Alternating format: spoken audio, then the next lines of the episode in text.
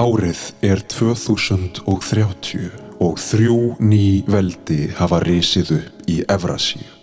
Tyrkland, Póland og Japan.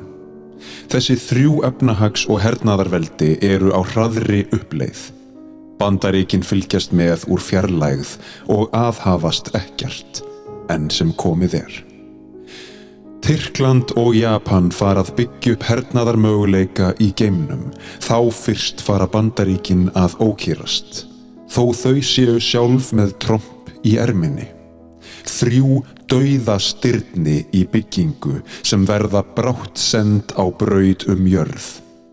Dauðastyrnin eru risastórar geimstöðvar með nýjustu fjarskiptatækni um borð, en einnig hernaðarmöguleika.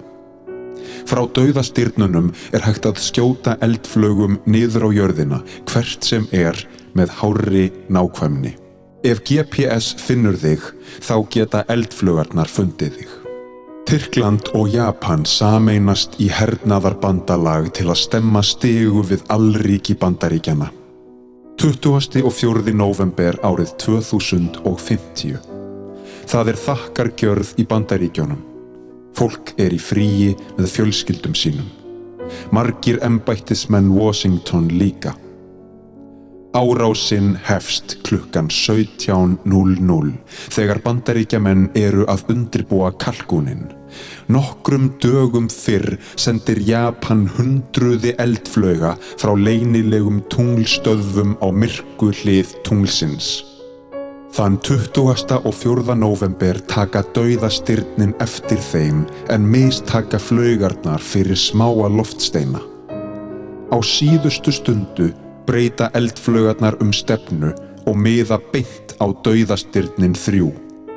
Þá fara viðvörunarkerfi í gang, en of seint. Nógu margar eldflögar ná í gegn til að eyða styrnunum. Á sama tíma gera Japan og Tyrkland samhæfðar árásir á hypersonic eldflögabyrgi bandaríkjana og sömu leiðis fjarskiptakerfi á jörðu. Bandaríkin eru blind. Japan og Tyrkland stopna til samræðina um vopnallíu. Gegn því að bandaríkin viðurkenni Japans Tyrklands bandalægið sem heimsveldi. Bandaríkin neyta og hefja undirbúning fyrir allsherjar stríð. Þriðja heimstjööldin hefst.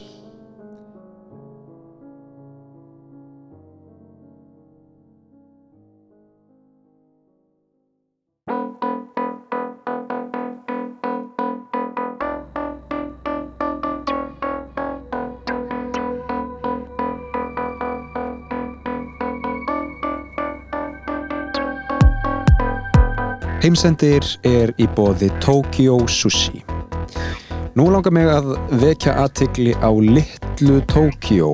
Er það hverfi í Reykjavík? Nei, það er ekki hverfi í Reykjavík. Littla Tokyo eru vörur frá Tokyo Sushi sem fást í krónuverslunum. Sushi-bakkar, pokjaskálar og smáréttir. Þetta er svona hádegismatur eða kvöldmatur on the go ef þú vilt gera vel við þig. Kíktu í krónuna og fáðu þér Littlu Tokyo frá Tokyo Sushi.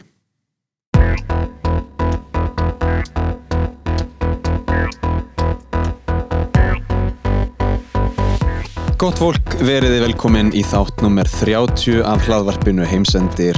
Hingað er komin góður gestur Arnmundur Ernst Backmann. Vertu velkomin. Takk að þið fyrir Stefán. Hvað segir Kjellin? Svona líka gott. Já, ekki. Jú, ég er svo gladur að vera allt í hennu byrjar að mæti svona podcast. Þetta er, þetta er annað podcasti sem ég mæti á æfinni en á stuttum tíma, sko. Já. Mér finnst þetta svolítið smart. Er þetta svona eitthvað sem þú fílar að gera? Já, þetta er ferlega móðins. Já. Svolítið, manni líður svolítið eins og maður sé svolítið cool aftur. Eða veit. Komið einhvern svona flottan mikrofón og, og headphones og eitthvað. Getur þú séð sjálfan þig í, í hérna, stjórnandasætinu? Fullkomlega, sko. Ég hef, uh, það var einn svona meðleikari minn og, og höfundur af verki sem ég leki sem var, sem, sem var eiginlega að mana mig hálfpartin í að verða svona podcast stjórnandi. En ég færi bara að tala um svo skrítna hluti, sko. Fólk myndi þá svona endanlega átt að sjá hversu fáranlegur gæði ég er. Já, það er að vera eitthvað mótafl einhver svona, já, eitthvað svona counterforce Já. mögulega, já, einhver jörð. Já, já, þetta nú skulum við hérna, Já, já. fara aftur í hérna, nú ert þú, nú ert þú að rugglast kæri vinnur Armundur uh, skulum halda okkur við efnið. Einmitt, ég væri svona, ég væri svona cancelled eins og Joe Rogan myndi allir. Listamenn ekki vilja láta út á stöðun að spila sig og eitthvað. Einmitt. nei, ég segi það ekki. Herði, við erum að tala um sko game, stríð Gamestrið, já. Stríð í geimnum. Mm um, Er þetta eitthvað uh, áhugamál hjá þér?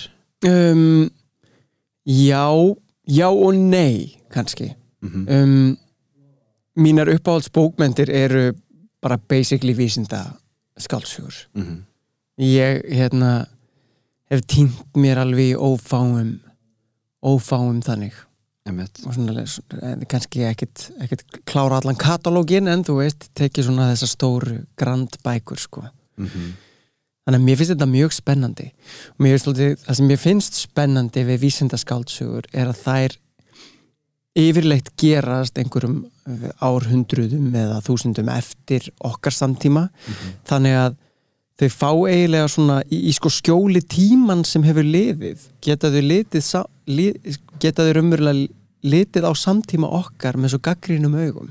Einmitt. Þannig að það er mjög auðvelt fyrir okkur að horfa til dæmis til miðalda eða til veist, tím, e, stríðsárana með mjög gaggrínum augum á það sem var í gangi í samfélaginu. Mhm. kannski eitthvað sem e, samtíma fólk þess tíma hefur algjörlega ve- ve- verið algjörlega blind á, Já, já. Eins og við erum blind á örgulega mjög margt. A, bara absolutt. Og þú veist, COVID hefur til dæmis gert það. Að við alltaf sjáum alls konar hluti hvað við erum bara þú veist, alltaf erum við farin að fleia hugtökum sem heita þú veist, ferðafrelsi og eitthvað svona. Mm -hmm. að það sé eitthvað svona, það eru mannréttindi þú veist, hefur sagt það við manneski torfbæ árið 1900 að ferðafrelsi væru mannréttindi hún er bara hleyið að þeir sko. Já, já. við það er alls konar, setur hlutina eh, í skemmtilegt perspektíf sko. Það er náttúrulega pælinga hérna, sko, einangrun í, í Torfbæ hefur kannski verið erfið En, En- en, vorum við ekki bara, að, þú veist, við vorum en, en, já, alla nákvæmlega. daga inni á veituna Við fórum ekki út, sko. Það þurfti ekkert yfirvald Nei. til að einangra. Við bara sváfum yfir veiturinn, skilur Já, við já, já. Nú erum við eitthvað að ræs og klokkan sex og fara í rækt og vinnu bara, þú veist, þegar sólin er þrjá tíma á lofti. Stundu bara hún ekki einu sinni. Ég veit ekki. Nei, ég held að það sé alveg rétt sko. Um, En þessar vísinda skáldsögur og, og þessi vísinda skáldskapur uh, það er einhvern veginn alltaf annarkort sko nokkur ár fram í tíman svona hinn nána framtíð eða þá eins og þú segir 500 eða vel 1000 ár fram í tíman Eða meira. Eða meira Það sko. var einn skáldsaga sem byrjaði á því einhvern veginn, hún gerði sko held í 100.000 árum eftir okkar samtíma. Og þar var bara eitthvað svona talað um að fyrir uh, cirka 100.000 árum eða 98.000 árum þá fættist maður nafni Jésu Kristur sem var bara helvitis troublemaker. Og það fór alveg 3000 ári að vinda ofan af því ruggli hann gekk á vatni hann var að breyta vatni í vín. Já, og líka bara hvað menningarlegu áhrif þetta fenóm hafði og þetta trúabræða stríð sem einhvern veginn þá bara gaf þessi saga sér að það ennst í einhver 3000 ár svo við bara svolítið svona þetta er kannski ekki alveg málið hérna. Veit. við erum svolítið fallið að afgreiða bara okkar samtíma með einu pennastriki Mhm. gilur Já, það er líka í, á, í 100.000 ára sögu og í raun þá hvað, 400.000 ára sögu af því við erum búin að vera hérna í 300.000 ár. Já, að hérna, í það minnsta. Í það minnsta. 350.000 ár, í það minnsta. Nákvæmlega, eitthvað sko 3.000 ára tímabil kristninnar mm er bara eitthvað innan við prósent. Það er það sko, alveg fullkomlega. Og einhvern veginn já, það er ótrúlega gaman að að setja þetta í þetta perspektíf. Einmitt. og við höfum ekki ég held að við höfum bara ekki getu, lífræðilega getu til að sko svona ná utanum bara hvað, hvað, hvað þessi tími þýðir. Nei, nei. þetta er langur tími. Að þú veist á 300 árum eru við búin að ná að rinda af stað svona cataclysmic event. Mm þú veist, sem er basically bara natræn línun -hmm. tók okkur ekki lengri tíma, sko. Nei, nei. þú veist, þannig að við erum með eitthvað, eitthvað menningarsamfélag sem hefur kannski byggst upp á 12.000 ára tímabili við erum áum að steipa því einhvern veginn já, við vitum svo sem ekki alveg hvernig þetta þróast en svona svörtustu spár segja við munum svolítið bara þetta mun svolítið allt hrinja og á einu kynnslóðabili munu þú veist, bara fólki fækka um 90% eða eitthvað. Mm -hmm. uh, hvað hefur gert á, gerst á þessum 450.000 árum? Það er enginn að fara að segja mér að við byggum bara í tjöldum. Eða skilur hvað ég meina? Svona það, það, það hafa geta reysið menningarsamfélag og borgir og, og það hefur geta fallið jafnóðum og bara fallið í gleimskunar dá Já, já, ég meina 6.000 ár uh, 7.000 ár, fyrir 7.000 árum eitthvað þannig, þá Mhm. voru menningarsamfélög, skilur Já, bara brónsöldin og Já. allt þetta, einmitt, og við, við eiginlega vitum ekki alveg hvað gerðist Nei. en, þú veist, en það getur verið bara, það var eitthvað svona röð atvika Já. og leiðinda sem einhvern veginn var til þess bara Egiptaland bara fjall. Svo virðist vera að fyrir einhverjum 12.000 árum hafi orðið einhver svona cataclysmic world event. Já, já, uh, og þú veist uh, var ekki Plato sem nefndi Atlantis og eitthvað, nú er ég að koma eitthvað svona Rogan ruggleina sko.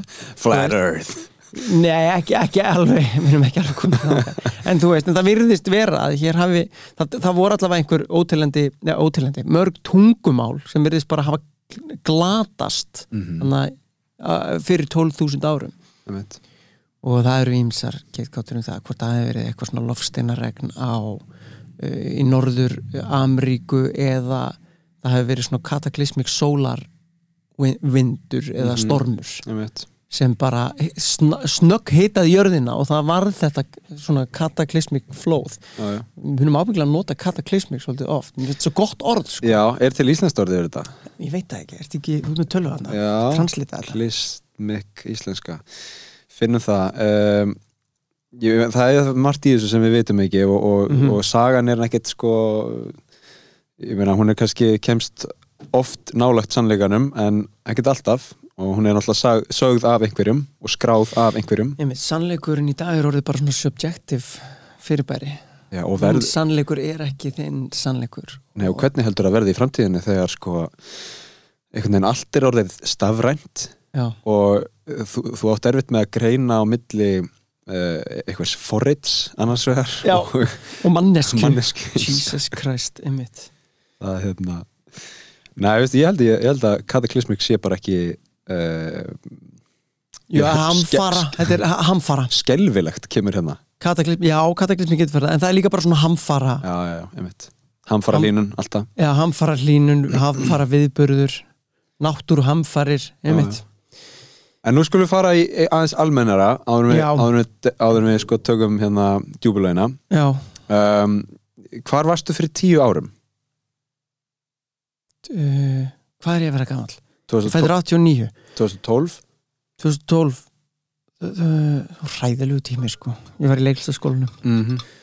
um, Já, ég var mikið á Sölfhóli í leiklistaskólanum Ég bjó fyrst á bjó, ég ætli ég hafi ekki verið á Grenimelnum. Um, í lítill íbúð þarna það sem ég bjó með Arnari Dan bekkjafélagi mínum. Það voru mjög mótandi ár.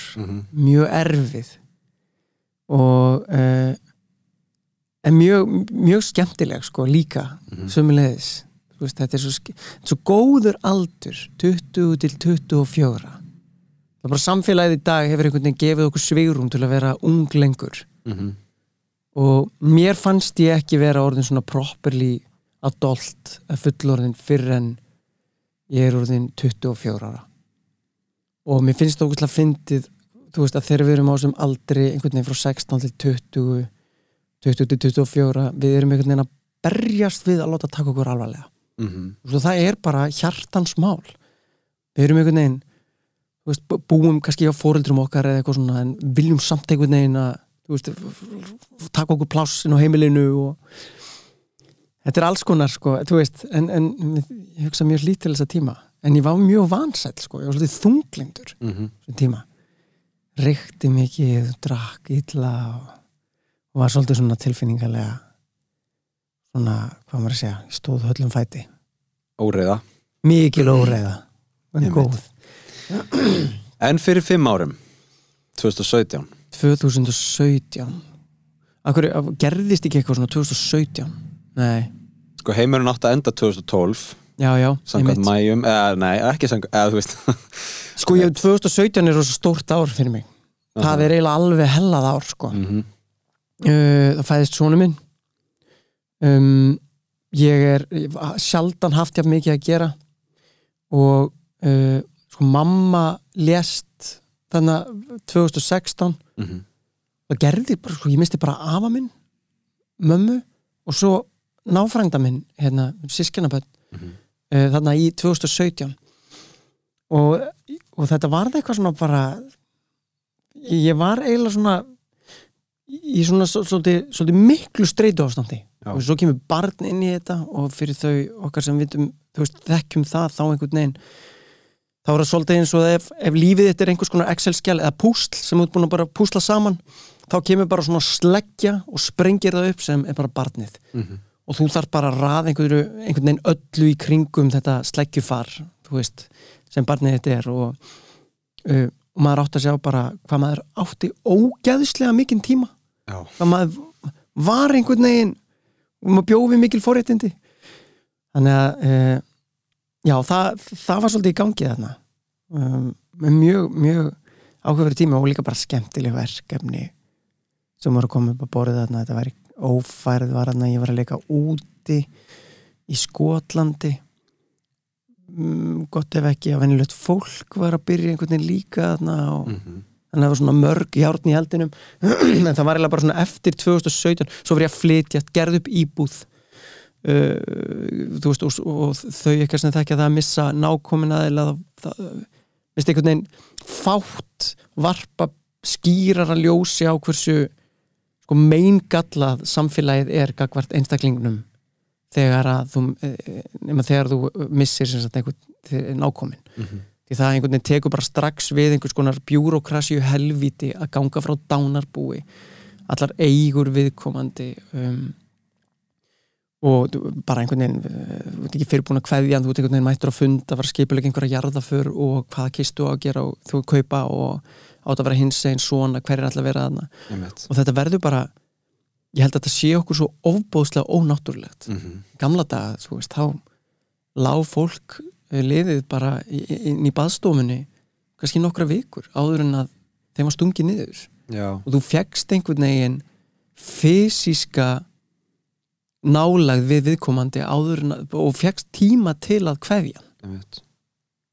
Maður sér það líka fyrir sér sko, sérstaklega í svona minni þorpum mm -hmm. uh, fyrir einhverjum árum, áratögum og, og þú veist kannski er þetta bara eitthvað úr sagnaheiminum en, en, en kannski reyndist, reynist þetta rétt sko að þá einhvern veginn kemur allt þorpið saman og, og svona og, og bara gengur til verka einmitt gerir það sem gera þarf einhvern veginn og, mm -hmm. og fylgir svo bara viðkomandi skilur hinstu förina og, og hérna heldur svolítið svona utanum þetta já, sem þarf núna að gerast í kvelli og, og hérna er- og bara svona stopnanavætt skilur þú hvað ég Já, það já. er bara einhver kennitala komin inn í þetta og og þú séðan bara einhvern veginn fær einhvern veginn þú veist bara eins og þú, eh, þú veist, eina sem þú færð einhvern veginn er bara einhver rukkun á heimabankan og Já, þú veist, og það verður svona það verður rosa skrítið. Og náttúrulega dauðin per se er ótrúlega ótrúlega magna fenum Mhm. því þú veist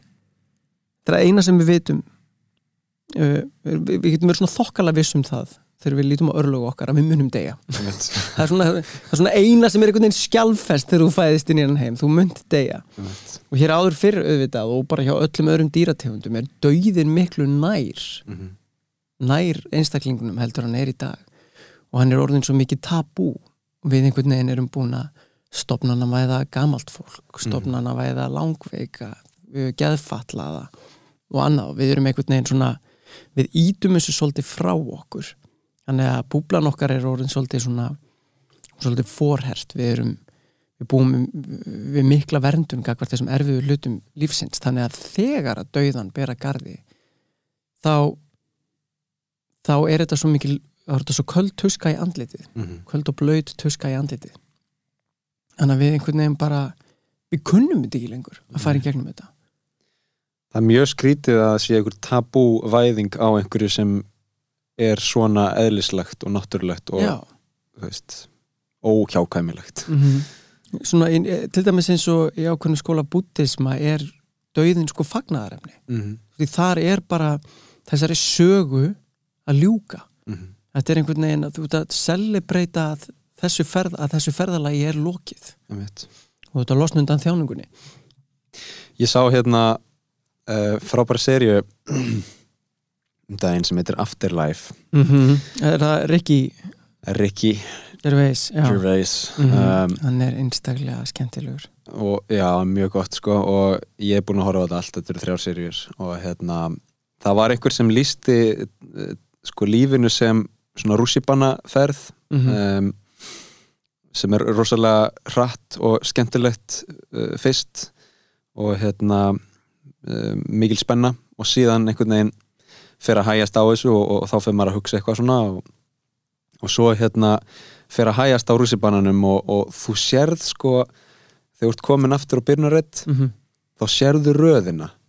Já, og þá þarf þú að fara sko af rússibananum svo einhver annar geti komið, um borð já, já, já, já, já, já, einhvern já. veginn. einmitt það er svolítið skemmtileg líking sko. geggjur líking einmitt. og maður er einhvern veginn svona líka, maður þekki allir þessa tilfinninguna þegar þú ert komin svona í gegnum 60% af rússibananum Já. þá verða hringirnir og droppin ekki jafn svakaleg og fyrsta sko. nákvæmlega sko þannig að allt verður svolítið svona svona róler og mildara algjörlega þetta er mjög interesting maður Herðu, hvar líður þér best?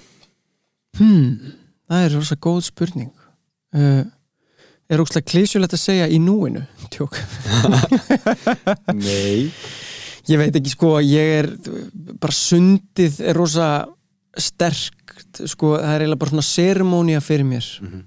uh, ég er með mjög sterkar rútínu inn í sundinu sem svona þróast í gegnum svona, hefur þróast í gegnum árin. Ég er ekki svona inaktiv, þú veist, ég fer ekki einhvern veginn og verð bara einn með heita pottinum veist, og einhvern veginn bara bráðna út í hann. En ég bara fæ saminskupið ef að ég uh, lengi og lengi í heita pottinum. En ég fer sem sagt í sund ég tegi uh, í pottinum uh, þá aðalega á sóasnum og mjöðmunum og eitthvað svona. Mhm. því það er svona það sem ég þarf að passa mig á veist, ég sit reglulega mikið, mikið spila tölvuleiki og eitthvað svona. Mhm. þannig ég te- tegi svolítið á þar fer síðan í kaldapottin um, og svo er ég með sánurútínuna og það er sem sagt þurrgufað sána í Vesturbælaunni sem er kynjaskipt inn í svona litlum klefum hana og ég hef verið að vinna upp tíman þar. Og það er alls konar speki í þessu, þú getur settið, þú veist, neðst og þá kaldast í miðjunni, þá er svona þokkalega gott, þú veist, og svo getur settið efst. Og það er bara, skilur, er hausiðinu í 100 gráðum, rúmlega það. Þannig ég set efst og ég er eh, búin að vinna mig upp í 20, vinna mig upp í 20 mínútur ég er lík því, ég næ svona að staðaldri á góðum degi kannski korteri efst og svo færi ég mig neðar Einmitt. og er í 5 mínútur markmiðið með þessu er sko að ég bara gefist upp á líkama og sál að Einmitt. allar frumur líkamanns vilji komast út úr þessu rými og þannig að ég lappa bara eins og draugur út úr þessu rými Mhm. uh, beint út og svo hef ég tekið upp að ég núna að fara beint í kalda í einu til tvær mínútur Mhm. tvær mínútur kannski og svo sest ég einhvers staðar hvort sem er í snjóin eða á bekk Já. og tek svona ákveðna öndun sem ég hef lært Mhm. uh, og þú veist og á þessum tímapunkti er þér bara eins og raketta sko, og líka minn í einhvers svona super state Mhm. sem er ótrúlega áhugavert Þetta hljómar eins og sko sverð sverð smíði Já, já, já, já, já, já, já, já Tekur, tekur sverðið út úr eldinum já. og setur það og berða svolítið sko, tuskar svolítið til sko. svo bara einmitt. Og það er alveg þannig, þú veist og mjög interesting. Ég er náttúrulega allar á kafi í þessum fræðum eftir að ég, þú veist, byrjaði að hérna, að kenna þarna upp í uh, Primal Iceland og vera með tíma þar og eitthvað svona. Mm -hmm. Þa, þetta er ef maður hlustar á podcast sem heitir Huberman Labs, þá er svolítið talað um þetta þar að það er svo holdt fyrir líkamann og geðheilsuna að komast koma, sem sagt, að koma líkamannum í uh, streitu ástand, svona reffilegt streitu ástand einu sinni á dag Mhm. og náttúrulegasta streitan er auðvitað bara ómikill hiti eða ómikill kuldi Einmitt. uh, því þá virðist vera sem við hækkum það sem kallast stress thresholdið okkar Mhm. Þannig að ef að þú ert þú veist, í kringlunni eða kíkir á heimabankaðin og fær kvíðan út þá eigum við auðveldar með að slaka á inn í, Mhm. inn í það streitu ástand þegar það poppar upp algjörlega já, bæði, bæði bara svona líkam, líkamlega að Mhm. líkaminn sko ómeðvitað er betur í stakk búinn til að takast á við það -hmm. en líka meðvitað, þú veist Já, það ert er, að já, gera, algjörlega algjörlega og, gera þessar öndunaræfingar hérna uh, já, og svona ofnbera þeir gagvart ákveðnu stressi Mhm. að vana eða hérna reglulega Mhm. að þá uh, ertu með aðferðir í höndunum sem þú getur nýtt þegar á hólminn er komið sko. absolutt, það er þessi geggjaða, eða er þetta geggjaða fyrirbæri líkamannum okkar sem heitir þindin já, sem er svona eini voluntary vöðvin sem þú getur það sem getur stjórnað raunverulega uh, sem getur haft áhrif þú getur stjórnað honum og þetta getur haft áhrif til dæmis á hjartslátt mm þannig að þú, get, þú hefur tök á því að svolítið að managera stressið þitt og streituna. En þetta allavega að svona hækka þetta stress threshold og að koma líkamannum inn í svona, svona erfitt ástand og þú veist eins og þetta að vera þarna á einhvern veginn síðustu fimm mínútunar inn í sánunni -hmm. Eru hræðilegar. Skil, það er ekkert næs við það. En einhvern veginn að reyna að alltaf að slaka og alltaf að koma, þú veist, huganum aftur að andardrættinum eða þú veist, einhvern veginn að reyna að róa niður og bara segja, þú veist, basically segja sér, þetta verður allt í læg þetta er erfitt en við getum líka gert erfiða hluti. Ertu þurr í sánunni eða uh, ertu búin að fara í þú veist, bleitu? Já, ég er búin að tegi í pottinum. Já, já, já ég tegi svo, ég auðveldar bara með að sitja þú veist, og komið þægilega fyrir því ef ég siti einhvern veginn lengi, það er ekkert þægilegt að sitja í sánu Nei, nei. þú veist þá bara fæ ég, get ég fengið í mjóbakið eða eitthvað svo list þannig að ég þarf að opna mjöðmyndar fyrir það Sko, talandi um Joe Rogan þá er náttúrulega til geggjuð mynd af honum Mhm. þar sem hann er búin að vera í hálftíma í einhvern veginn 120 gráðum já, já, já, já, já. og er sko hann er einhvern veginn á milli þess að vera í föstu formi og, og, Já, og, liquid. og fljótandi einmitt og sálin er líka einhvern veginn þannig sko, egoið er líka rosa fljótandi sko. En, en ég tengi mjög mikið við þetta og ég hérna um, fer í sánu þegar ég get. Mm -hmm. ég var að vinna einu svona skemmtifræðskipi um, og er alltaf að vinna á sömurinn mm þar á efsta dekki er sána ó, guð, vá, það er geggja og sko ég, hún er á sjötta dekki og ég er á öðru dekki með herbergið mitt sko. -hmm. en það er svona stigi, stigi sko hérna alveg bara beint niður. Mm -hmm. þannig að ég tek alltaf ég lauma mér alltaf hérna, fyrr út. Það er ofta eitthvað svona eitthvað að gerast á kvöldin skilur eitthvað mm Mhm. tónlistaratriði. Ég segi að ég ætla bara að fara, ætla bara að fara að sofa. Já, skilur lauma mér. Lauma þér í næ í dótið, fer upp Já. í sánu tek 20 mínútur sko. Það er svo gott sko og svo bara beint, beint niður og, og hérna tvö glösa vatni og svo bara upp í rúm og, og þú veist, maður sefur bara eins og unga bann sko. já Það er það, er svolítið þannig sko. gott. það hefur að gera með að líka minn er í svona kælingar uh, fasa. Þá, þá eigum við auðvildara með að slaka á og, og interesting. Og það sko í bland við hérna skipið Já, einmitt að rugga. að rugga já, í já, öldunum. já, já, já, já, já. þetta er sko Vá, það er beautiful maður. Ah. ah. mikið öfund að ég einhvern, ég hef aldrei farið einhvern veginn í svona almennilega bátsferð. Það er bara einhvern veginn herjólfur fyrir mér og það ángaði alltaf Mm. ælu. einmitt. Nei, það er sko indislegt ef ég verði einhvern tímann ótrúlega ríkur Já, þá ger ég, þá smíða ég mér sánu mm og svona hérna, bát utanum hana. Já. Svona hef rúmið í einhverju svona ruggvél. Já, já, já, já, já, einmitt, einmitt, einmitt. Mjög gott. Vá, áhugavert. Ef ég verður svona ríkur þá myndi ég þá myndi ég búa til svona hérna, oxygen depriving hérna, svona hálofta chamber til að sofa í inn í herbygginu já, svona sem Olympíu fara að nota. Einmitt. Þá sko eigur koldvísýringsþól í líkamannum mm. og, og súrumsjöptakaðum verið betri. Já, og, og, og eigur magn rauðra blóðkorna. Já, hemoglóbín sem- hemoglobins Mhm. einmitt. Mjög interesting. Það væri eins og að, sko sjá Dracula einhvern veginn. Já, já, já, um mitt, rúkslega fyndið Nei, ég veit ekki hvort maður getur gert einhvern veginn við herbergi sitt en svo líka myndi maður þóra því að það var eitthvað svona smá malfunction og bara, bara oflítið súrefni myndi bara aldrei vakna. Það er ekki gott. Eitthvað svona ah, vakna þess einfaldari maður. Já, Jesus Herði, ok Dembum okkur í gamestríð Ó, guð minn góður. Sko, hvað er gamestríð? Uh, stríð í geimnum? Já. Eða, sko mm, Það er alveg svona tvær leiðir til að þú veist, ég held við getum skipt okkur í tvær greinar strax. Mhm. það er annars vegar, þú veist, maðurinn er búinn að einhvern veginn þú veist, dreifa sér um vetrarbrautina kannski lengra og svo verður strí, innbyrði stríð millir mannkynsins. Mm skilur þú hvað ég meina? Já. það fár bara myndast önnur menningarleg sam, samfélag, landamærin verða öðruvísi. Síðan er það að við mætum einhverja annari tegund. Það er eiginlega töluvert að, að mér finnst svona dýnamískari pæling sko Mhm.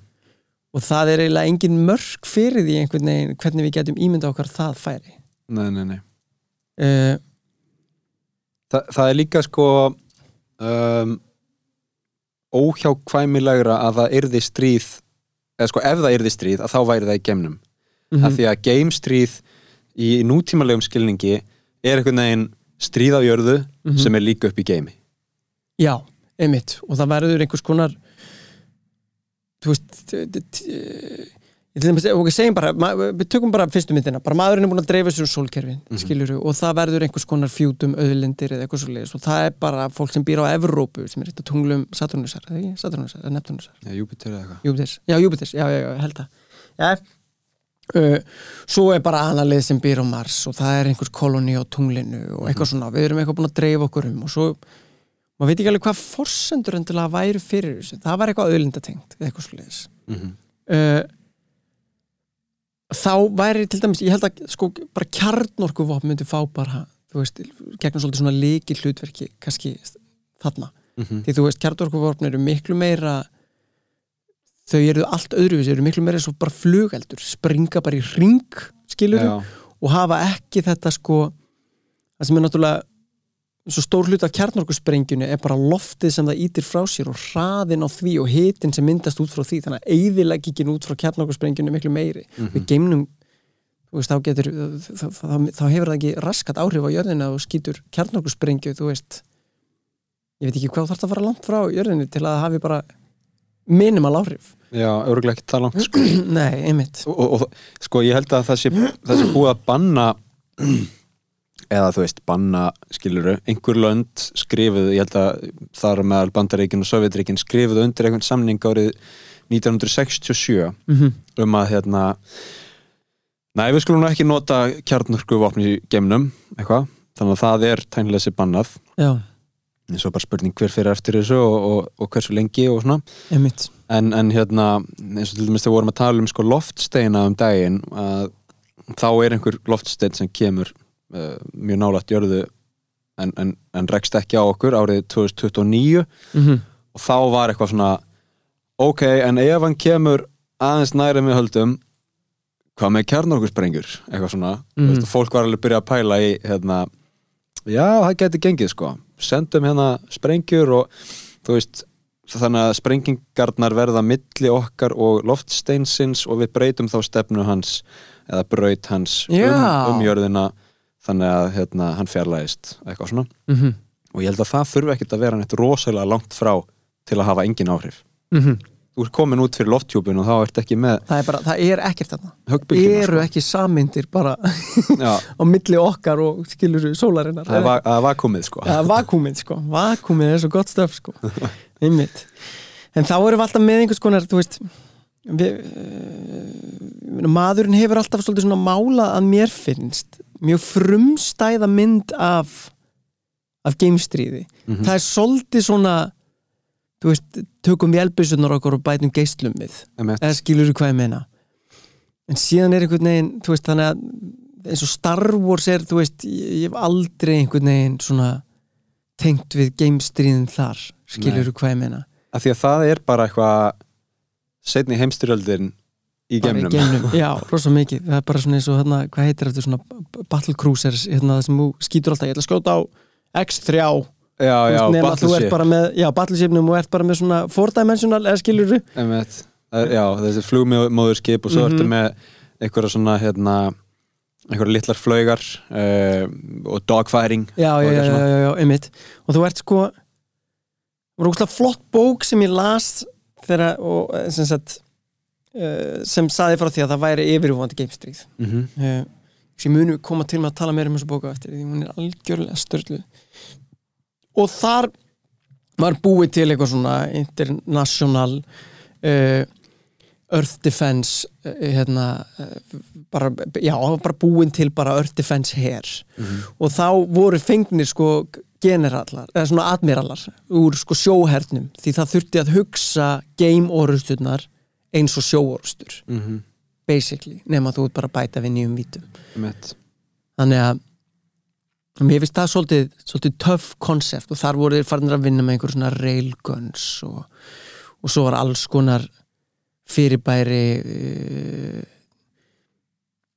já það, það, var ógeðsla flott bók. Mér að að tala þessum þessa bók. Já. hún er sko geggjuð. Og, og komt inn á hvað railguns er? Ég man ekki alveg að það var eitthvað svona partikúl kannon, þú veist, sem bara einhvern veginn þrusaði einhverjum risa sprengjum og þú veist og það, hvort það var eitthvað svona antimatter kannon mm. og það varð sko í þessari bók, þetta er sem sagt bók sem þetta er svona trílógía sem heitir uh, sem byrjar á bókinni The Three Body Problem Mhm. og, og það er sem sagt í upphæfið þeirra bókar þá, þá er eitthvað svona risa radiotáver eða sem sagt svona törn einhver uh, útvarpsturn í Kína Mhm.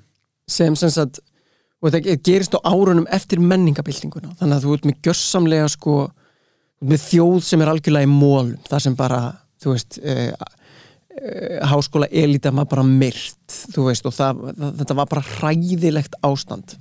Þannig kona sem er einhvern veginn búin að missa báða fóreldra sína en er svona mikils virtur hérna game uh, já, hvað maður að segja game academic eða skiluru Mhm.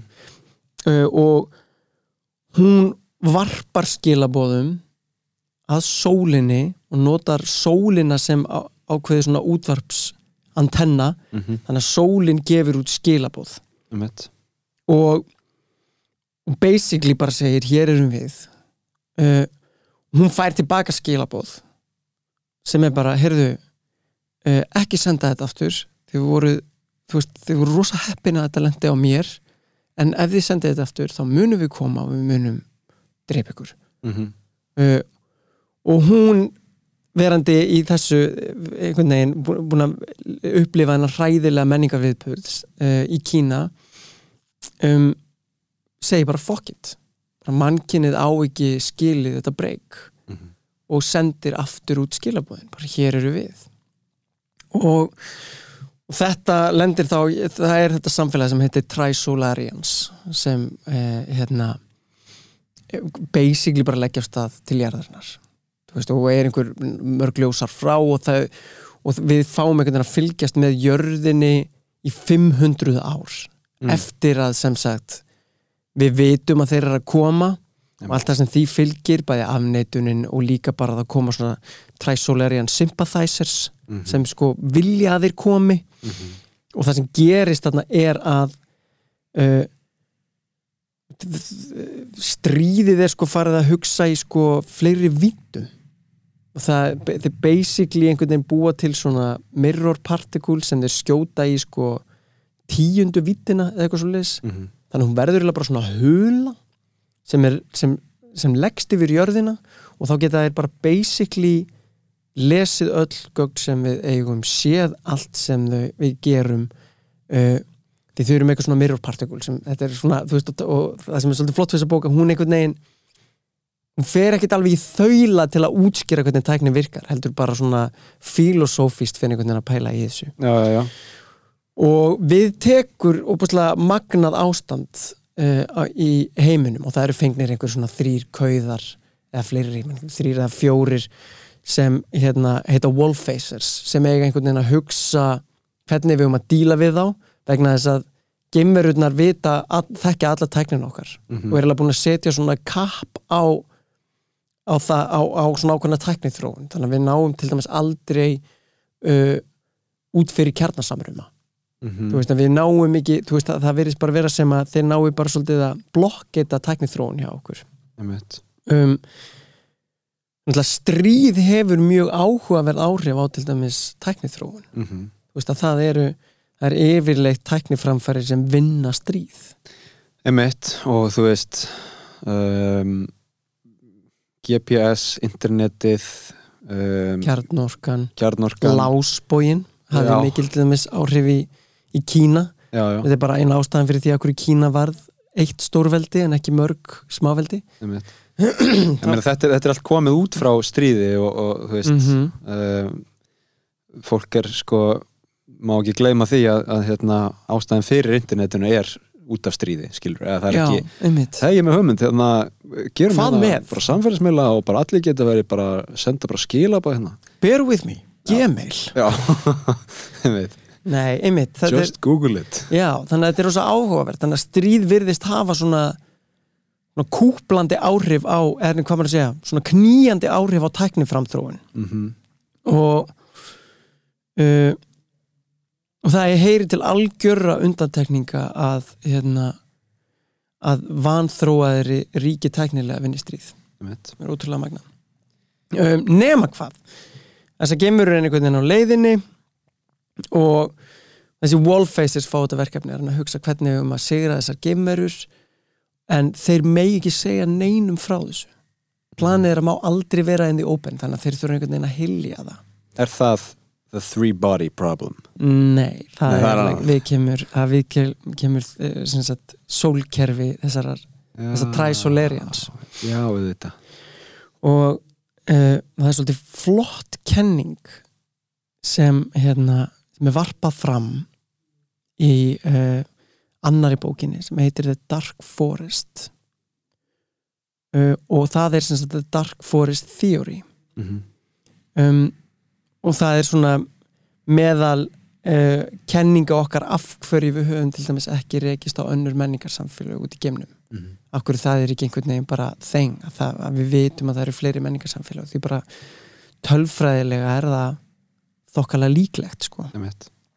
Um, og, það, og kenningin er svo að að munurinn á þessu menningarsamfélögum þú segjum bara við, það er einhver það, er bara samfélag sem er þróaðar en við einhver nokkur ljósari burtu frá okkur. Við vitum ekkert á hvaða menningarlega grundvelli þetta samfélag rís, á hvaða líffræðilega grundvelli það rís, á hvaða bara vistfræðilega grundvelli það rís. Þannig að við munum við einhvern veginn gefum okkur þá staðreind að geimverur séu einhvers konar svona bara aðeins öðruvísi afsprengi af okkur en Já. hvað það sé, skilur, eru einhvern veginn félagsdýr eh, eru mjög hugfangin af uh, ákveðnu bara hugmyndafræði eða þú veist trúarbröðum eða ba- bara hvers konar hugmyndafræði þannig að The Dark Forest Theory snýst um það að þú að það eru bara, það eru ótal einstaklingar og dýr inn í myrkum skógi. Og ef þú sérð bráðina eða sérð einhvern einstakling en hann sér þig ekki þá verður þú að kasta spjótun í hann áður en að hann kasta spjótun í þig. Vegna þess að ef að þú til dæmis verður inn í skógi sægir tígristýr þá getur eiginlega ekki hægt að annarkort felur þig eða þú drepur tígristýrið áður en að að það sér þig. Því líkurnar á því að þú og þetta tígristýr ná einhvern veginn að bróa saman og bara hvað ef ég kenni þér að kveikja eld þá getur þú kent mér að, að veiða dátýr eða skilur eru bara tölfræðilega l- engar. Einmitt. Þannig að þessari kenningu er varpað fram. The Mhm. Dark Forest Theory. Að það bara, þú eigi bara að þegja og láta lítið fyrir þér fara. Mhm. því annars kemur einhver eitthvað annað fennum og, og bara drepur því. Og ef einhver hefði séð okkur en er ekki búin að granda okkur mm. þá er líklegt að þau sé að fela sig. Að þau sé að fela sig einmitt. Eða þá að já, ef einhver hefur séð okkur þá er þá er mögulega voðin vís eða þá að þessi kenning sé bara einfallega ekki rétt Mhm. skilur að það sé einhvers konar uh, universal lögmál að, að við getum empathæsað með öllu lifandi Mhm. skilur eða þá bara þið sjá að við erum að granta okkur sjálf já, já. skilur að það er ekki hætta af okkur við séum bara einfallega það einföld tegund að við séum ekki interstellar hætta Einmitt.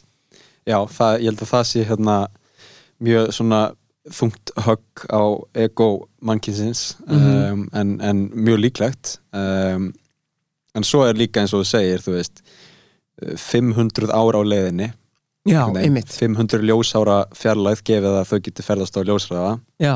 En síðan reyndar setna í bókinni þá sendaðu annan flota og hann er miklu fljótari þá er bara tækni þróunin hjá þeim út af bara yfirvandi stríði búin að taka svo miklum stökkum já, já, að þeir bara einhvern veginn senda bara reinforcement og þeir, það er bara, þú veist bara nokkur ára leiðinni Einmitt.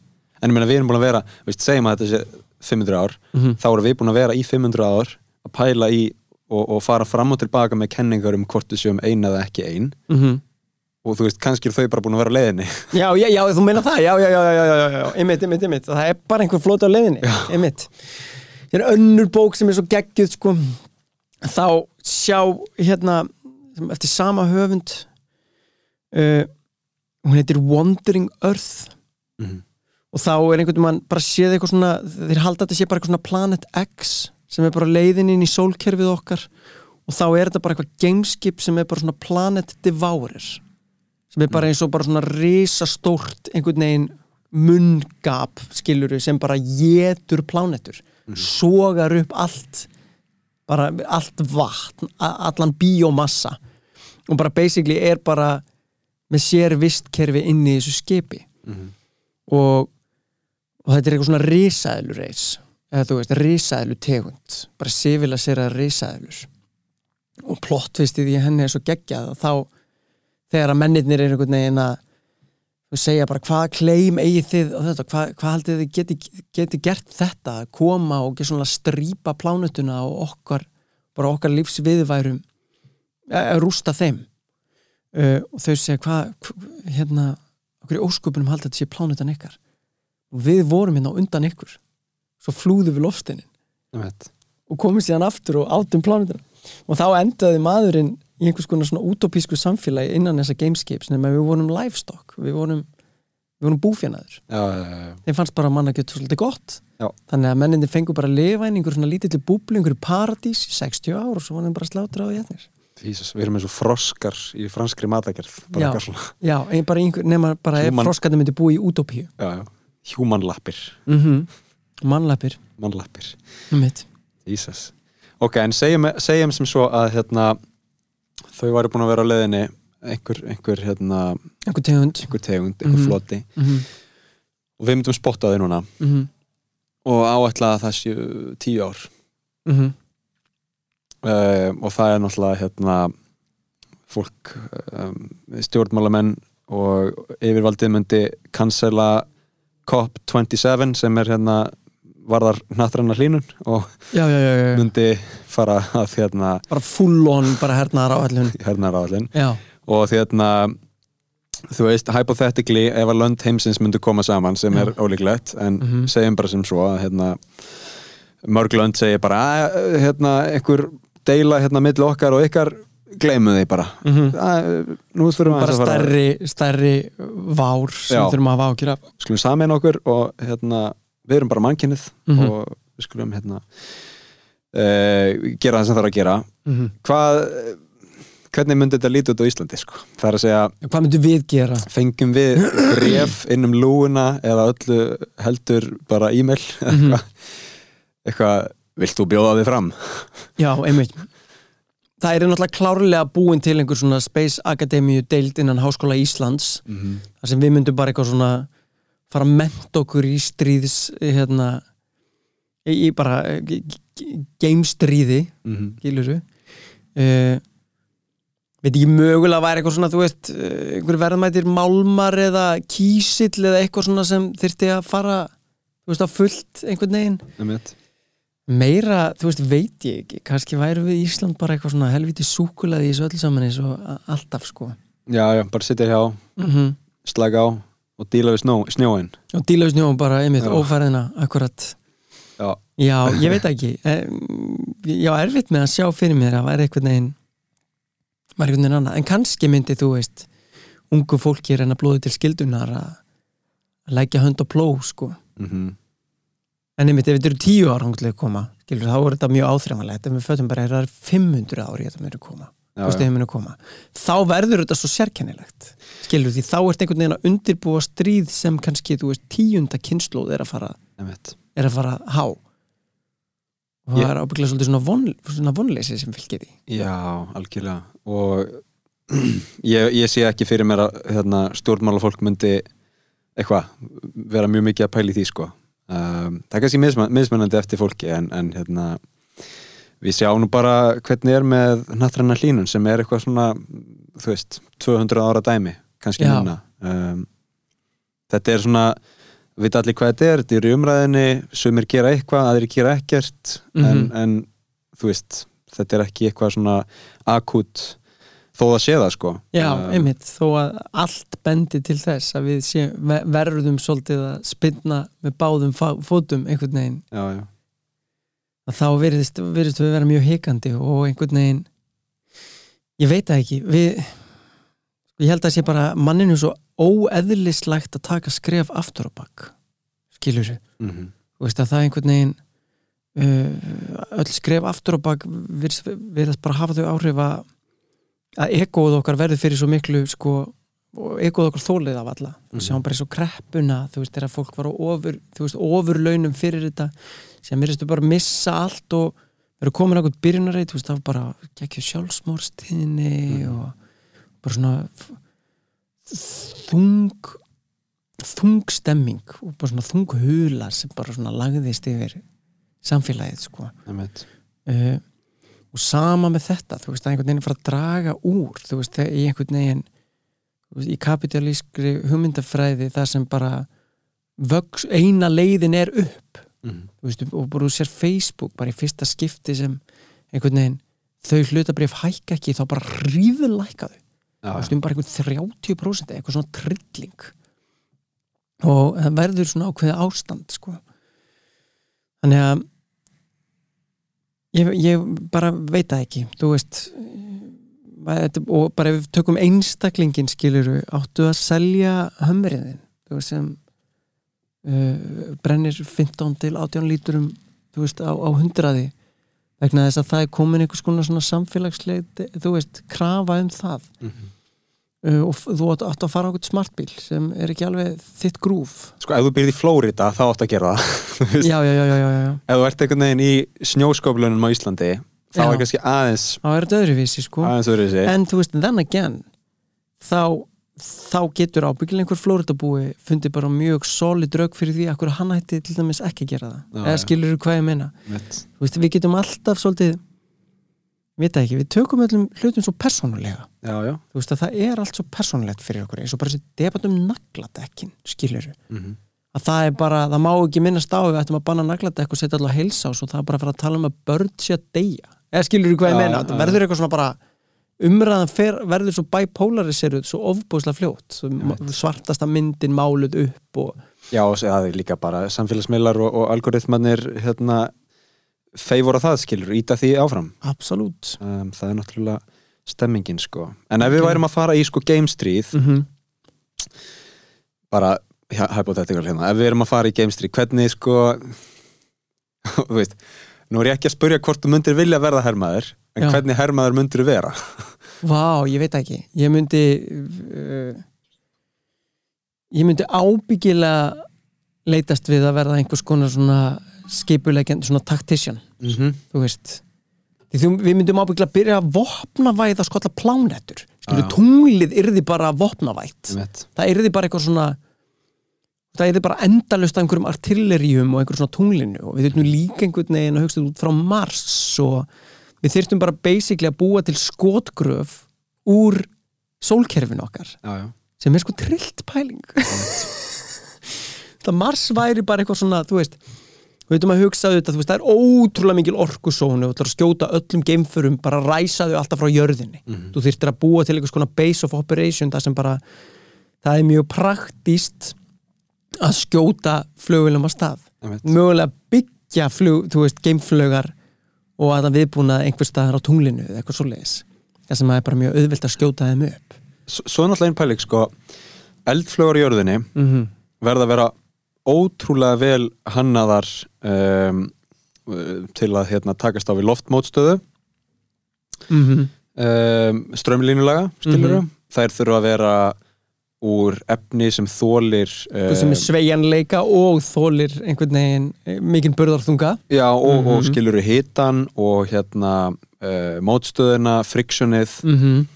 og þurfa samt að vera með sko um, nóg mikið eldsneiti, nóg kröftugt og öflugt eldsneiti til að bera, láta bera sig þessa vegalönd uh, þurfa síðan að vera með einhvern möguleika til að hérna, sveia og beigja og, og vera svona manúverable sko í geimnum þetta getur verið sem- kassi þetta getur bara verið Rubik's teiningur sko. já, Og, og, og þess vegna bara loftsteinn skilur já bara, við erum bara á tunglinu Mhm. við bara sprengjum upp hérna tunglstein já, og skjótum honum bara, bara nákvæmlega sama stöf já, einmitt.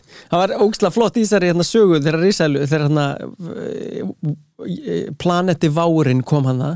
Þá var síðasta úræði mannsins að sko kjarnorku veða tunglið setja bara ógeðslega mikið af kjarnorku sprengjum á eina hliðina tunglinu Já. og sko skjóta tunglinu í áttina gameskipinu og bara, þetta var bara gameskip á starfi plánutu, að bara varpa tunglinu inn í þetta.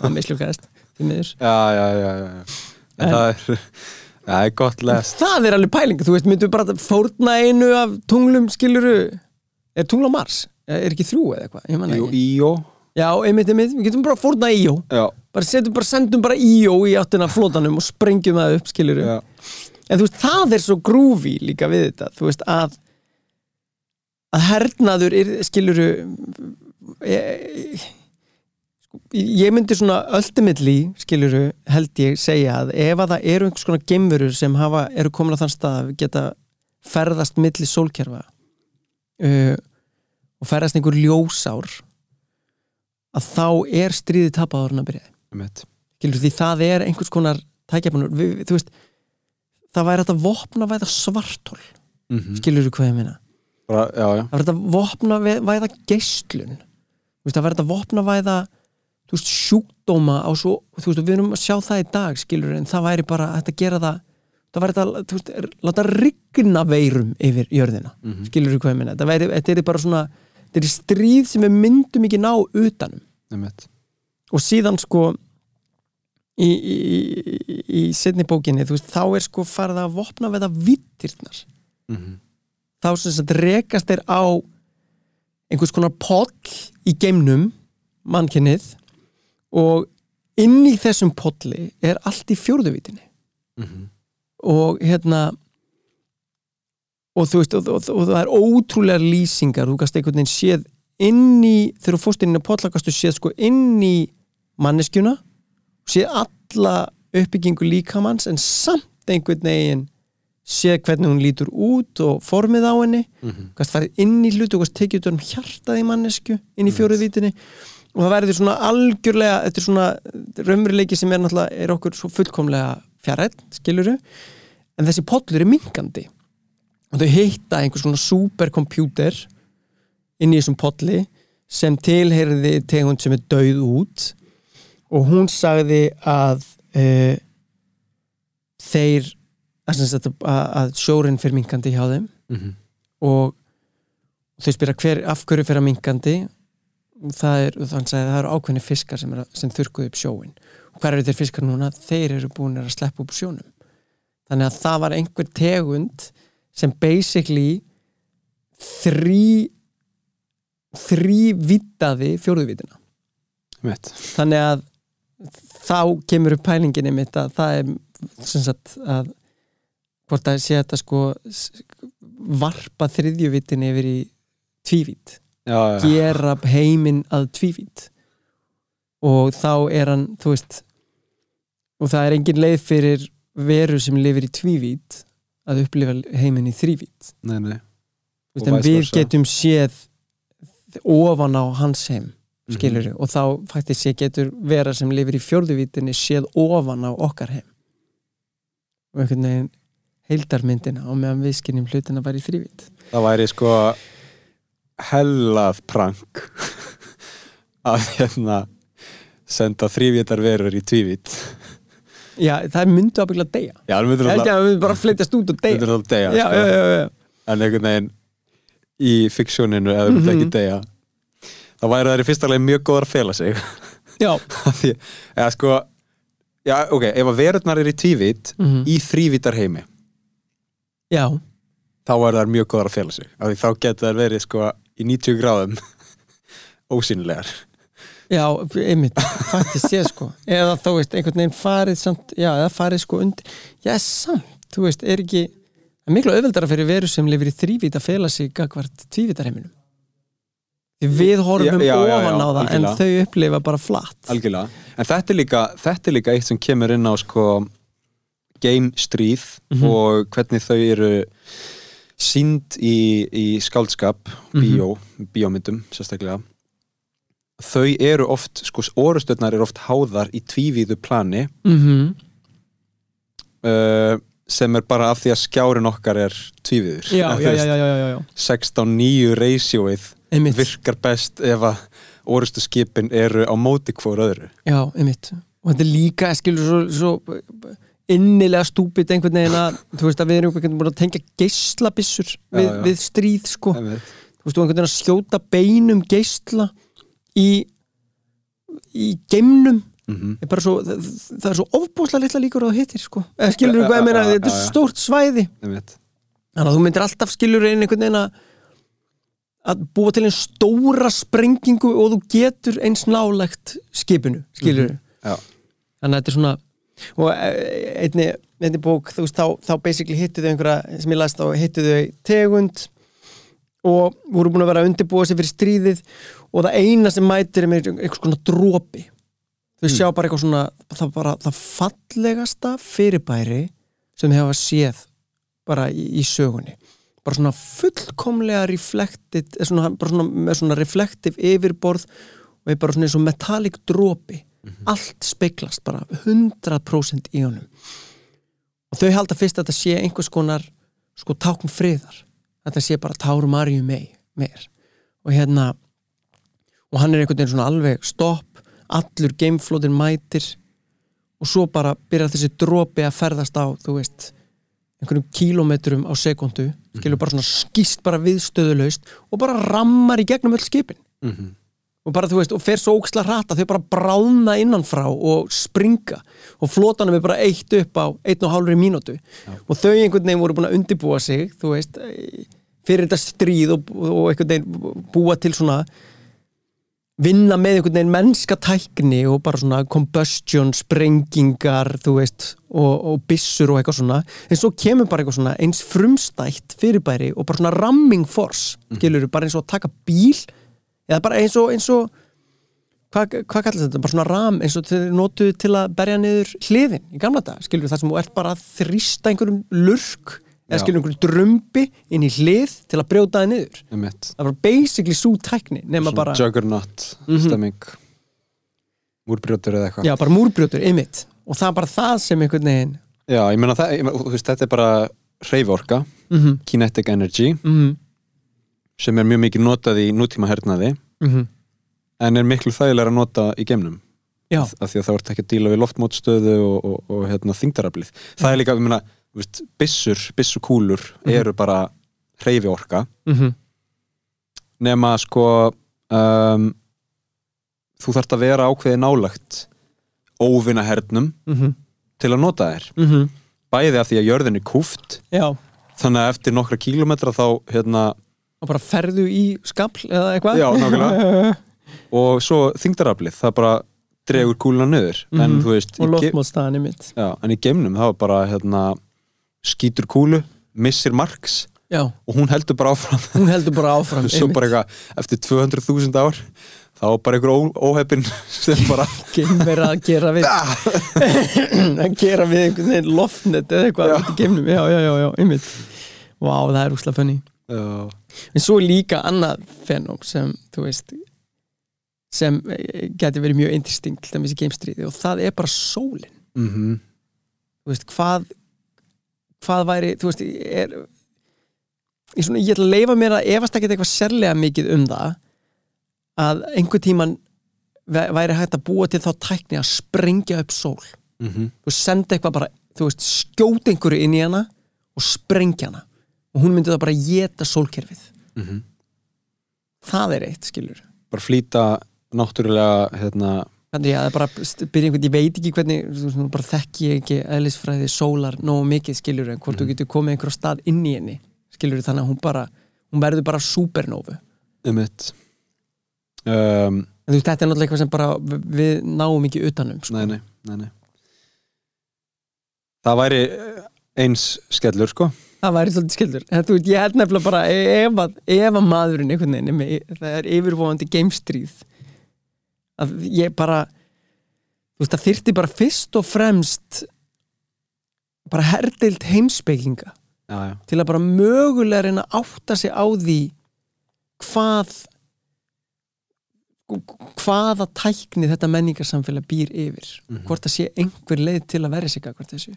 Því þú veist eins og bara var, þú veist, ljóst í kaldastríðinu þú veist að ef að það myndi hefjast kjarnorkustríð þá eru bæði veldin fókt mhm, þú veist að ef að bara kjarnorkustríð hefst á milli rússa og bandarækjamanna þá er þá er það ekki einhvern veginn þannig að sigurvegarinn gengur einhvern veginn knarristur, þú veist af holmi og bara einhvern veginn Victor takes the spoils. Það eru bara bæði ríkin eru gjör eðilögð Mhm. Og það er einhvern veginn miklu líklegra í stríði þú veist að þú getur alltaf búið til sterkara vopn en ekki endilega sterkari skjöld. Nei, nei. Sko við myndum alltaf vopn búast um, já, vel þótt að heimspekingarnir kemist að þeirri niðurstu að það væri ekki séns. Já, En annar valmöguleiki sko sem ég held að hérna enn og aftur uh, í, í þessum kapitalíska heimi og, og svona heimi þar sem stríð getur verið sko drifkraftur, tækni nýjunga og, Og- og hagkerfisins, hagvaxtar, hagvaxtar uh, þá held ég að þetta mun ekki gerast en annar möguleiki er samt sko að við myndum trýta þetta bara eins og olimpíuleikana og bara hérna ég veit ekki, taka eitthvað landsvæði skiluru, Mhm. smíða eitthvað svona smíða eitthvað svona welcome, welcome, welcoming party, eða þú veist byggja skiluru bara taka á mótið þeim á móti með, þeim, skilur, með konfetti og, byggja risastóran þyrlupall. Og vera með skiluru blóm og hérna flugvelda og konfetti allt í kring. Og svona risastóra hérna senda sem var að senda einhverjar út á spilgjur. Lendið hér, Mhm. vinsanlegast lendið hér þú veist. Og hérna við myndum bara býða og, og, og, bara, já, nú það er að koma eftir viku um, við skulum vona að hérna þær gera ekki neitt Mhm. slæmt en á hvað forsendu væru það að koma væru, það, veist, væru þeirra heimkenni ónýtt um, eða væri þetta einhvers konar kolónu, kolónialismi ég held að sko ef við bara yfirfærum þetta okkur Mhm. ef að jörðin eðilegst eftir 100 ár mm -hmm. myndum við fara til Mars og eitthvað terraforma hana Mm eða myndum við fara til þú veist Centauri B eða ég manum ekki hvað já, skilur en svo sem er í 4,7 ljósara fjarlæðið og, en þá er svo interestingið mér bara segjum að við varum komið eitthvað svona generation ships þú veist, sem einhvern veginn er að flytja bara margar miljónir manna. Mm og við fljúum í áttina einhverju sólkerfi svo kemur bara skilabóð bara heyrðu hvað er það að gera, eru það að koma í friðið er það að koma fokk okkur upp? -hmm.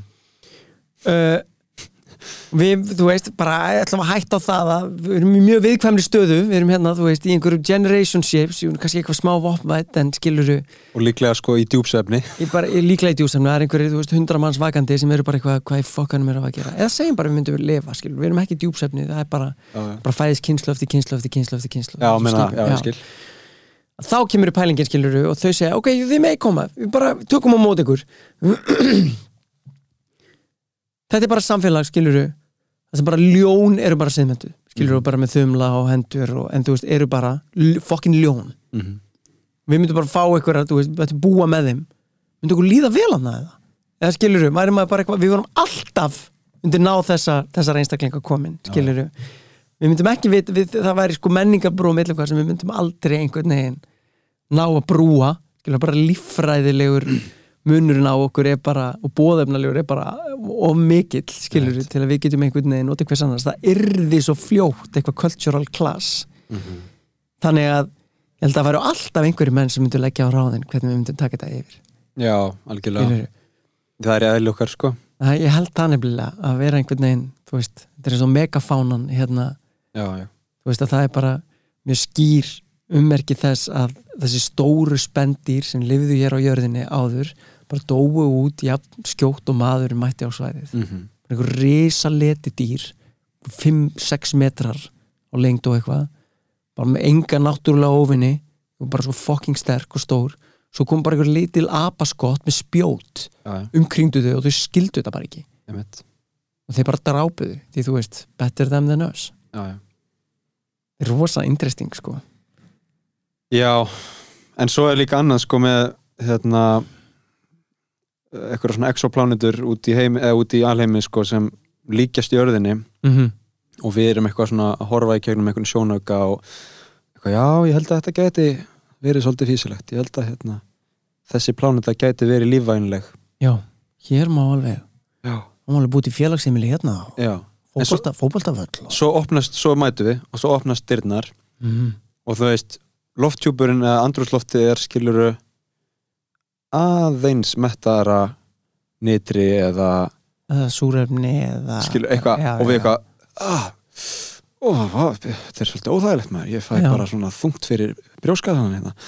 eitthvað svona mm og, og skiluru ósónlægið er aðeins þinnra og það er allir fannir að brenna og Já. þetta er bara eitthvað svona rosa psoriasis bara Já. rýður yfir bara allt mannkinnið og og, og niðurstaðan er sko annarkvort láta okkur hafa þetta í, í 2000 ári eða eitthvað já, við já. komið með eitthvað Já. svona natural selection vonandi kemur einhver stökkbreyting sem bara hjálpar okkur að lifa þessar aðstæðir já, eða við erum alltaf bara í einhvernum búningum já og þá er bara með bara okkar litla vistkerfi já, bara, ah, Jesus, þetta var nú ekki hérna, það sem við byggumst við maður. Já, einmitt, eða förum einhvern veginn að terraforma þessa plánetu. Já, þú veist, brenna skóa til að auka koldvísýringsmagni já, nákvæmlega. aftöknum eða eitthvað svona sko.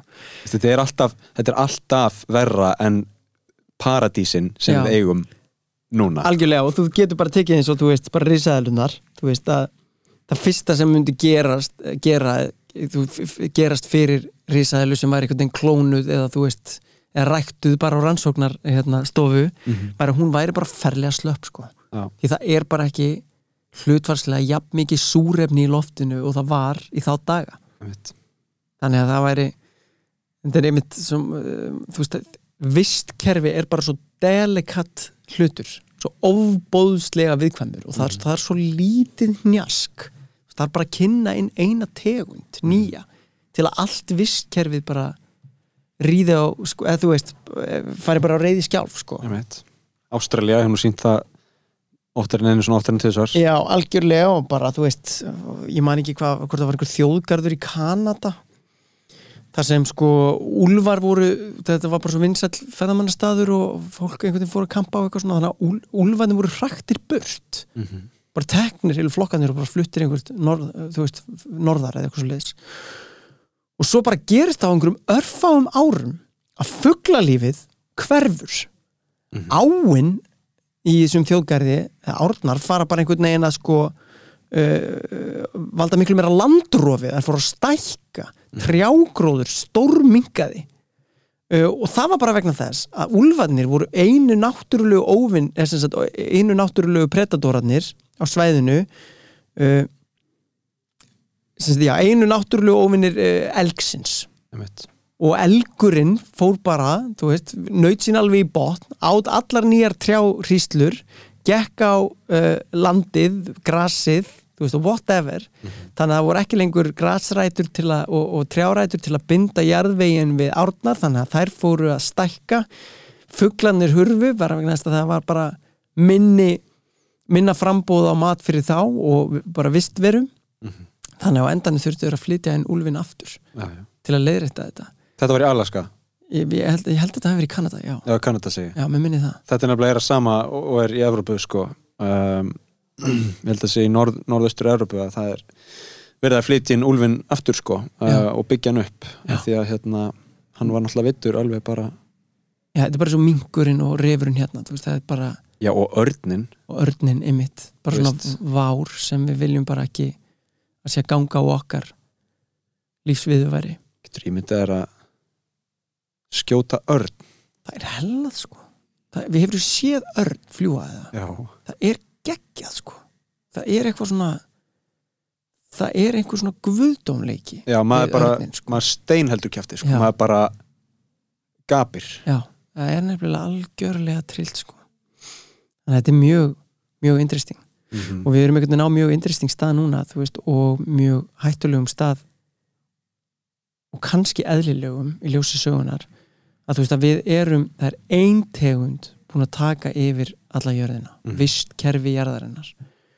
Og það getur eða bara aldrei vísað á gott. Það hefur einu sinni áður gerst í e, jarðsögunni að ein tegund taki yfir alla jörðina. Og fyrst, fyrst var það sko svampur. -hmm. Hann bara tók yfir alla jörðina hann var bara svampur út um allt Já. það er hella stöf úr sjónum Upprunalega? e, ég held það, ég, ég, ég veit ekki ég, það, ég, það bara fylgir ekki allavega Nei. mínum hlutu sjóni sé, Þa, það er einhver sko alien planet sko. F þú veist, fyrir Já. okkur ef við myndum Algjörlega. fara í svampskóin skilur eitthvað svona annað sem ég heyri líka einmitt bara er eitthvað svona tími, tímabili í jarðsögunni þegar að sko plöntur og tré voru búin að þróa ensími sem mynda börkin Mhm. sem gera þeim kleift að vaksa hærra uh, og bara st- standa, þú standa af sér storma skilur og verða stærri að það var ekki til náttúrulegur niðurbrjótur fyrir trjábörkin þannig að á einhverjum, ég veit ekki hversu lengi skilur einhver hundruð þúsund árið eða eitthvað svo leiðis þá var bara jörðin full af trjábergi Já. Það var bara skóur af trjábergi svo kom bara einhver eitt sveppur búp, poppaði upp og það var bara all you can eat buffet og hann bara fór um jörðina og kynslu og bili bara kláraði Einmitt. það er geggja stöf sko Já, og, veist, og getur ímyndaðir lífa án sveppa í dag sko. sem ég vilja nú bara meina að sveppurinn sé arkitekt alls viskerfi sko mm -hmm. sem er útrúlegt fyrirbæri því sveppurinn er einhvern veginn upphaf og endir alls brýtur þið niður eins og við lærum í skóla svona, hvað er, hvað brýtur niður lífræn efni? Og við erum eitthvað svona bakteríur og bakteríur og plöntur já, og pöttur það er bara, neina, það er bara sveppurinn. Sveppurinn er allstaðar við erum as we speak að anda inn óteljandi magni af, af sveppagróum Já, og svo, svo spyrir maður Byrju, sve, er sveppur hérna plantaða dýr? Já, góð spurning Það er góð nefnilega mitt á milli kannski hann er sko. nefnilega skildari okkur en hann er plöntum Já. ótrúlegt fenum og, og, og við, svo segjum við sko við erum eina dýrategundin sem ræður öllu mm -hmm. þú veist, eða eina tegundin öllu heldur Já. og sveppurinn sem er allt umkring mm -hmm. Þið vitið ekki neitt. Nei, við vitum nefnilega ekki jack shit. Og það er sko ógeðslega skemmtilega eins og í, í Star Trek nýju seríunni Mycelium Network. Já, uh, þar sem sko, þú veist, þeir nota sveppa system, sko intergalactic sveppa system til að flakka á milli. Mitt þá verður einhver svona intergalactic sveppur sem bara spannar vetrarbrautir. Mm -hmm.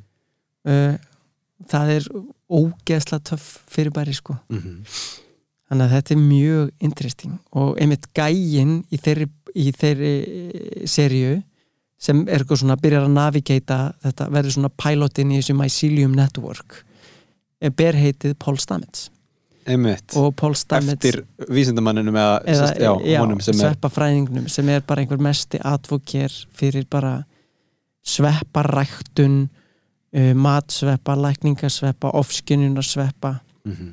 Hann er svona búin að vera helsti talsmaður þess uh, núna í gegnum uh, já, allavega á sin, sin, sinni æfi og er miklum sem sagt hann er mikil smetin innan vísindasamfélagsins og er auðvitað núna bara í ljósi umræðina einhvern veginn að fá svolítið svona legitimate, legitimacy. Einmitt núna, því að fyrir nokkrum árum fyrir kannski 20 árum, þá var hann leitin hotnöga Já, já, og bara og allt þetta, við erum að við erum að sko svolítið að sjá hvað við hvað við beðum mikil, mikil skaða af sko þú veist til dæmis bara eins og kaldastriðinu eða katholsku kirkjunni mm -hmm. til dæmis, þú veist sem einhvern veginn bara brendi allt sem sem bara taldist til nortna þú veist, nortnagaldurs Mhm. eða svartagaldurs og það er bara miklu, miklu líklegra til dæmis að ofskjununar lif hafi verið miklu stærri partur af okkar menningarsamfélagi heldur en til dæmis áfengi back in the day, til dæmis Mhm. að tímum Gríkja, Persa. Uh, uh, sem sagt, hva- hvað heitir þetta gnostisism, Kristján gnostisism er frum kristni Mm -hmm. uh, miklu skildari sko hinduisma, það eru svona eiginlega fjölgiðistrú. Þar fjallar, sko eru himnaríkin tíu. Já, já, og úr fjóruða himnaríki þá þá endur, og neðst er eitthvað fyrirbæri sem heitir The Demiurge sem skapaði hinn veraldlega heim til að sko fang, fanga anda, andana Mhm. og það er okkar svolítið að losna undan veraldlegum uh, skuldbindingum eða veraldlegum gildrum einmitt. og þessi frumkristni afneitaði bók, bókmyndunum Mhm. afneitaði sko fræðunum og var mjög held ég silosabín og svona sveppa beist sko aðtafninar, helgiatnarnar hafa allar verið svolítið svona ofskinjunar væpaðar á því sko. Og, og blátan og vínið í Kanada held ég var ekki eitthvað rauðvín eitthvað rjóka dæmi sko. Nei, nei. það var eitthvað, eitthvað skrítið brugg í því sko. Svona áhugavert stöf. Já, og þú veist enn og aftur, enn og aftur þetta er skilur drópi í hafið sko okkar, okkar heimsín með við okkar sögu. Já. um, eitthvað eitthvað, nei, við erum ekki búin að sveppir, nei, við erum ekki búin að gera það í mörg hundruð ár, við erum bara í áfenginu. Já, eitthvað, hafið ekki heyrt söguna um mannin sem tók allir stíg og hoppaði niður á sölunum? Jú, ég hef líka heyrt það að 90% allara mála í dómskerfinu eru áfengistengt já, að þetta er mjög interesting. Við erum mjög, eða þú, ég veit ekki. Mér finnst svona, kannski þetta umræðefni sem við erum með uh, vera svolítið áhugavert og skemmtilegt og svona örvar mig að því leitinu til að það kemur eiginlega niður á það að við vitum ekki raskat eða skiluru að svo upplifun sem við höfum af alheiminum er kannski, er ekki prósenda af því spektrumi sem heimurinn er. Mhm. Veistu, og það er engin leið fyrir okkur að skilja það. Það er tegund á jörðinni sem heitir mantisrækjan sem sér tíma.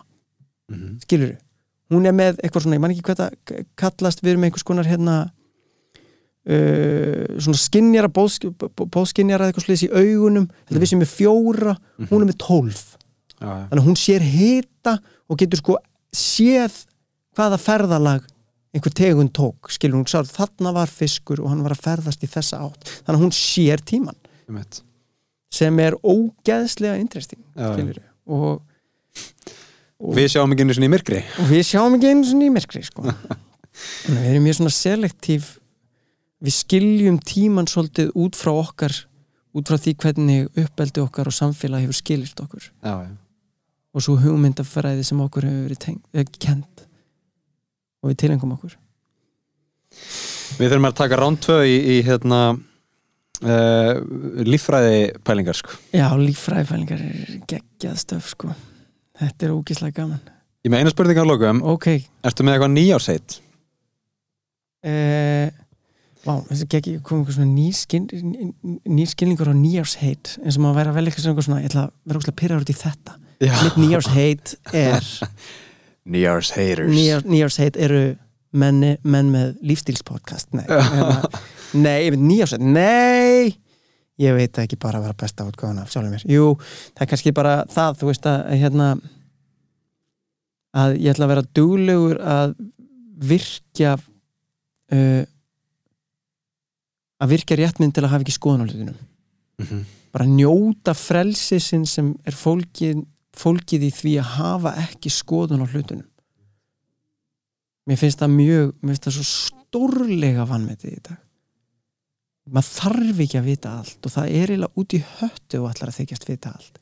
Mhm. Bæ, bara stuðlar einhverju bæpolariseringu í samfélaginu og, og einhvern veginn bara takmarkar þig, þú veist, við sjáum þetta einhvern veginn í COVID, þú veist, að það er bara það þekkja allir einhvern antivaxer skiluru eða, eða einhvern sem þólir ekki sótvarnalög það er mér finnst þetta að vera svo, mér finnst ástandi að hafa afhjúpað svo mikið hvað það er ógeðslega erfitt fyrir okkur að skipta um skoðun. Mhm. Að hvað við erum bara algjörlega við erum svo miklu fangar eigin skoðuna Einmitt. þannig að svo lengi sem maður passa sig að hafa ekki skoðun á hlutunum þá getur maður alltaf lært meira og meira um hlutina Já, og þetta er líka sko tengt því ég hérna, brendi mig á því um daginn sjálfur um, hvort þú vilt vita eða vita ekki Mhm. hvort þú getur kvilt í óvissunni mm -hmm. Veist, ég held það sko. ég held það líka og, og ég held að sé samt sko eins og þú segir aðeins erfiðara og, og, og hérna mögulega þurfum maður aðeins að æfa sig í því, vinna sig upp í það. Mhm. um, en ég til mest, ég bara kláraði einhverja bíómynd, skilur mm með óræðan endi. Já, og í staðin fyrir að skilja við það þar og, ja, og, og kannski leifa því að, að matla eins inn í hausnum á mér og og sjá hvort að þú komist að einhverju eða eitthvað svona, já, já, veist, já. þá googla maður. Já ég veit það, þá fer maður alveg bara um, um, end meaning á þessari mynd, einmitt. Einmitt, og bara eitthvað, þú veist. Þarf að fá einhvern svona viðsmöralegan skilning. Finnst það sama einhvern veginn ég las svo fallega bók um daginn eða fallega bók, las. Uh, ég er algjörlega þykju hérna, þetta var bara svona basically listaverkabók mm sem var bara með svona einhverju stærstu masterpieceum skiluru svona listsögunar og það var eitthvað ógeðslega flott abstrakt verk eftir höfund sem ég man ekki hvað heitir en það heiti, verkið heitir held ég eitthvað svona smiðurinn eða járnsmiðurinn eða eitthvað svona hérna. Og þetta er bara, þetta er ógeðslega flott verk. Og maður bara svona, þú veist, það er eitthvað svona listrætt X-faktor í þessu, þú bara ert svona in awe. Og lýsingin á þessu var basically bara hvað fræðimenn eru búin að vera að pæla og svona einhvern veginn, það er getgáttur hvernig þetta verk varð til hjá honum. Og mér finnst að vera svolítið svona dæmi um svona lesser man að reyna einhvern veginn að jartengja eitthvað sem er nánast guðlegt Einmitt. eða skilur þú hvað ég meina? Að ég skilja, þú veist, þetta var ekki, það var ekki tilviljun að einhvern veginn bílarnir voru svona góðir. Skilur sko, þeir lendu bara á þessu og þessu og samtíminn var svona, Já, já. það hefði hver sem er geta gert það, bullshit, skilur það myndast einhver dýnamíka þarna og þeir eru bara þú veist, það, það, það er einhver svona, eitthvað auðvitaðkomandi, einhver eitthvað. X-faktor. Það er einhver X-faktor og eitthvað svona sem er svo ótrúlega sem er einhvern veginn að fallega líka við mannskepnuna. Já, Vi, við höldum sko að það að vita uppskriftina mm -hmm. það að geta rakið upprunan sé vitsmjönulega æðra já, en það er það ekki. Það er bara þvert á móti Svo, það að geta kvilt í óvissunni og, og mm -hmm. treyst á eitthvað X-faktor myndi ég segja að væri vitsmjönulega æðra já, og svolítið boringarinn að skilja ástina. Já. Eða Já, nákvæmlega. Ástin er ótrúlega magna fyrirbæri og kærleikurinn Geggjað, við erum í geggjöðum málum. Mm -hmm. Arnmundur, þakka þér kærlega fyrir komuna. Takk fyrir mig, þetta var ógeðslega gaman